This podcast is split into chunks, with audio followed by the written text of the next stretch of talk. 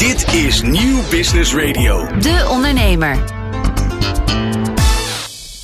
Je luistert naar De Ondernemer. Mijn naam is Robert van der Ham en samen met Thomas Hendricks praat ik met Petra Lubbers, Managing Director van Tom Oro. Petra, goedemorgen. Goedemorgen. Uh, Petra, allereerst, je bent in 2019 begonnen met je bedrijf, met Tom Oro. Um, voordat we gaan vertellen wat het bedrijf precies doet, ook jij hebt nu te maken met effecten van corona en bedrijven die ook jouw bedrijf weer anders gaan benaderen.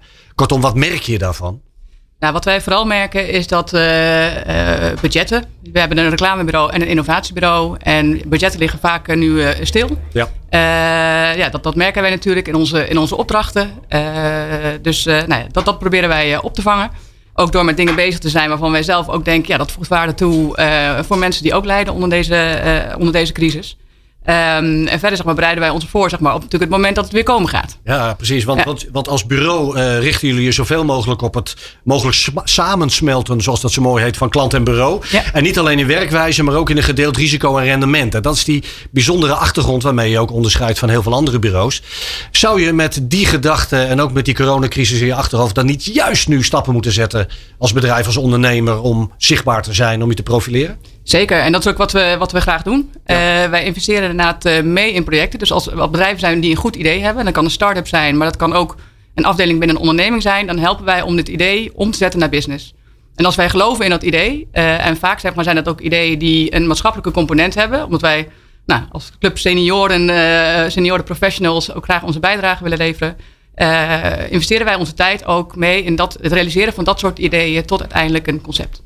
Noem eens een voorbeeld, want daar ben ik heel benieuwd naar. Nou, we zijn bijvoorbeeld bezig met een, uh, een zorgplatform. We zijn bezig met uh, om te kijken hoe we de alternatieve zorg voor mensen in Nederland beter kunnen gaan uh, ontsluiten. En wat bedoel je met alternatieve zorg? Nou, dat bijvoorbeeld zorg als de zorg van een chiropractor of een osteopaat. Dat zijn vaak behandelaars die, die op zichzelf werken, die geen toegang hebben tot, een, een nou ja, tot, tot alle grote netwerken via bijvoorbeeld huisartsen. En die proberen wij weer te matchen met ja, die, die, uh, die klanten zeg maar, die daar behoefte aan hebben. Mm, en wat, wat, wordt er dan een heel platform gebouwd? Uh, wat, wat gebeurt er allemaal? Nou, wat, wat wij doen, in eerste instantie start het met het idee. En wij gaan dan samen met de klant zorgen ervoor dat er een heel goed concept komt te staan. Dus dat is echt een kapstok waaraan eigenlijk alles wat daarna wordt ontwikkeld aan wordt opgehangen. Wij zorgen dat het wordt gevisualiseerd. Want vaak met directies of investeerders dan is de vraag, ja, maar hoe ziet dat er dan uit? Um, wij zorgen dat het wordt onderbouwd met onderzoek. En wij zorgen dat er een echt een pitch deck komt te liggen met een case. Dus uh, vervolgens kan iemand dan mee naar een investeerder of naar een directie om te zorgen dat er budget wordt vrijgemaakt om dit te realiseren. En vervolgens zorgen wij ook voor de realisatie. Dus wij helpen mee bouwen en ook voor markten. Dus wij zorgen dan vervolgens dat er een merk komt, dat er een campagne komt.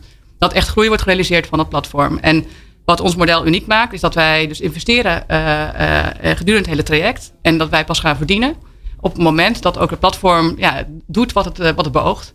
En dat maakt het model echt anders dan heel veel andere bureaumodellen. En nou ja, een model waarvan ik geloof zeg maar, dat dat toekomstbestendig is. En uh, waarbij je ook echt een bureau hebt waarmee je kan nou ja, echt samenwerken. Omdat je, je doelen zijn hetzelfde. Hm. Dus uiteindelijk is de vraag wat is het budget? En dan is het antwoord voorlopig nul.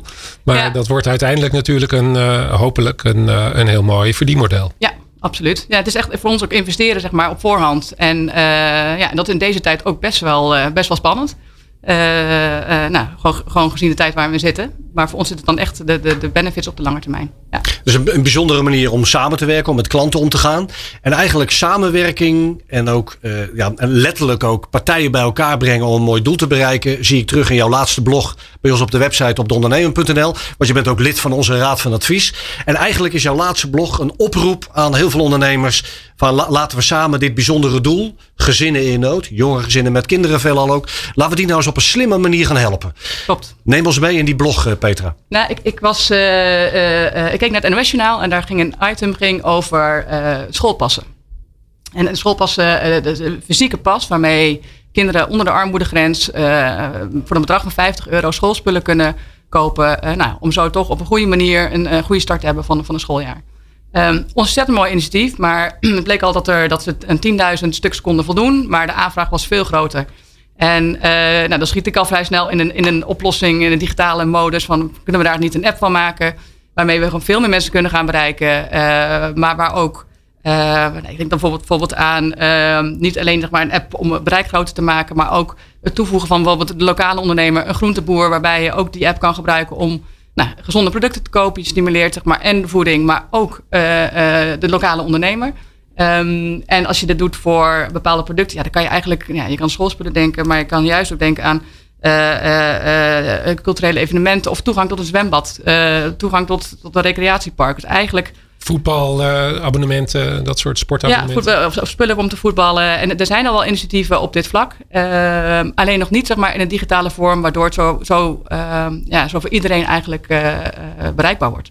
En dat zou ik heel graag willen, willen, willen doen. Ehm, maar ja, dat, daar hebben we wel partijen voor nodig die eh, ons daarbij helpen. Dus ik zou bij deze heel graag een oproep willen doen aan partijen. En dan denk ik echt aan, aan overheden, maar ook lokale overheden, maar retailers, lokaal of landelijk.